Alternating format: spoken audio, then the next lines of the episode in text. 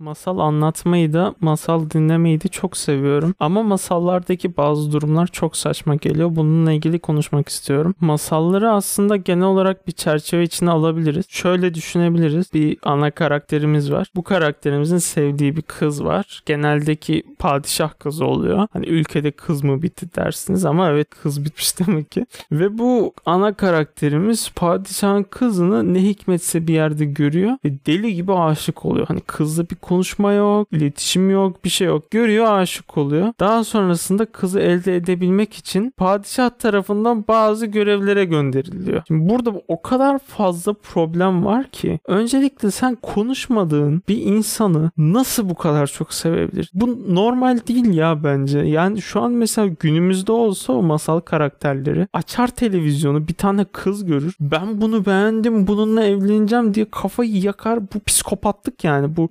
paranoyaklık. Gördüğün, konuşmadığın, iletişimin olmayan bir insanı hayatını tehlikeye atacak kadar sevemez. Bence buradaki olay o kızın padişah kızı olması. Mevkisinden dolayı. Hani neden gidip de bir çiftçinin kızı üzerinden bir hikaye dinlemiyoruz biz? Neden hep kralların, padişahların kızı üzerinden dinliyoruz? Hiç acaba düşünmüyor muyuz? Yani bence arka planda biz hepimiz bunu düşünüyoruz alt metinde. O kızın padişah kızı olduğu için güzel olduğunu, o kızın padişah kızı olduğu için sevildiğini düşünüyoruz. Ha tabii padişah kızı şimdi daha iyi yemekler yiyordur, daha iyi banyolar şu bu falan. Evet evet daha da güzelleştiriyordur bunlar. Ama asıl konu bir insanın bir padişahın kızı diye mi bu kadar uğraşması yani? Öte yandan bazı hikayelerde kral hasta olur ve der ki beni iyileştirecek kişiye kızımı vereceğim. Feministler bana katılacaktır şu an. Feministleri arkama almak istiyorum. Gerçekten inanılmaz saçma değil mi ya? Kızı sordun mu?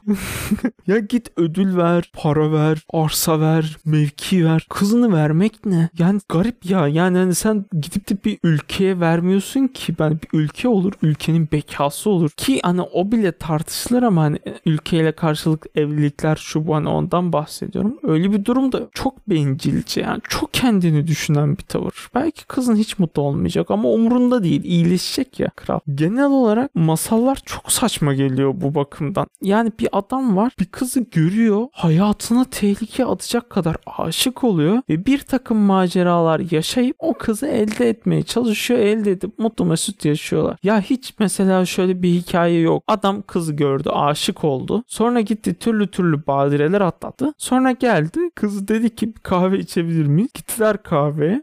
Sonra anlaşamayıp ayrıldılar falan hani. Ya zaten olay bir kere baştan yandı. Sen yerini bileceksin. Genelde çiftçi oluyor zaten bunlar. Hani köylü oluyor. Hep sen köylüsün ya. Nereden gitti padişahın kızını istiyorsun? Zaten sen o kızı memnun edemezsin. Yok işte özel uşakları olacak. Yok şunları olacak. Her dediğini olunacak. Şöyle ya sen memnun edemezsin zaten. Sen memnun etsen bile o saray yaşantısına, o elit yaşantıya uyum sağlayamazsın. Ya sen ne mutlu olursun. Neden mutlu edebilir? Git de ki anana ana bana bir kız buldu. Git evlen onunla. Niye bu kadar kasıyorsun? Niye bu kadar dert ediyorsun? Yani ben bunu tamamen makam mevki için olduğunu düşünüyorum ya. Ya bir kere de bir masalda şey olmaz mı? Gidip de köylü bir kıza aşık olup da onun hikayeleri olmaz mı? Yok ejderhalarla savaşmalar kız için. Yok şunlar yok bunlar. Hani başta değilse kız sonradan ortaya çıkıyor. Sonradan aşık olup en sonunda evlenip mutlu mesut yaşıyor. Zaten masalların genel bitişi de bu oluyor. Hani bir evlilikle birlikte kapanıp bitiriyoruz olayı. Harbiden değişik yani masallar bu bakımdan. Ta Beşik'te makam mevkinin önemi bizim beynimize işleniyor ya. Hep bir makam, hep bir mevki. Hep böyle makam mevki kızlarını elde etmeye çalışan adamlar. Bir kız peşinde koşanlar. Şunlar bunlar. Hep bir kral etrafında mı dönecek olay yani? Hep ana kahraman böyle kralın etrafındaki olaylar mı olacak? Ya bir de köylüler arasındaki olayları dinleyelim ya. Ne olaylar vardır kim bilir köylüler arasında ama yok hep böyle kralın etrafındaki olaylar. Yok işte anka kuşları da şunlar bunlar. Hep bir hastalığı tüm doktorlar gelir muayene edemez o adam bulur falan. Yani özetle ta beşikteyken işleniyor bize hep bunlar. Hep beşikteyken makam, mevki, şu bu hep daha işleniyor. Bölümü dinlediğiniz için teşekkürler. Siz de masallarla ilgili yorumlarınızı belirtebilirsiniz. Hepinize iyi günler.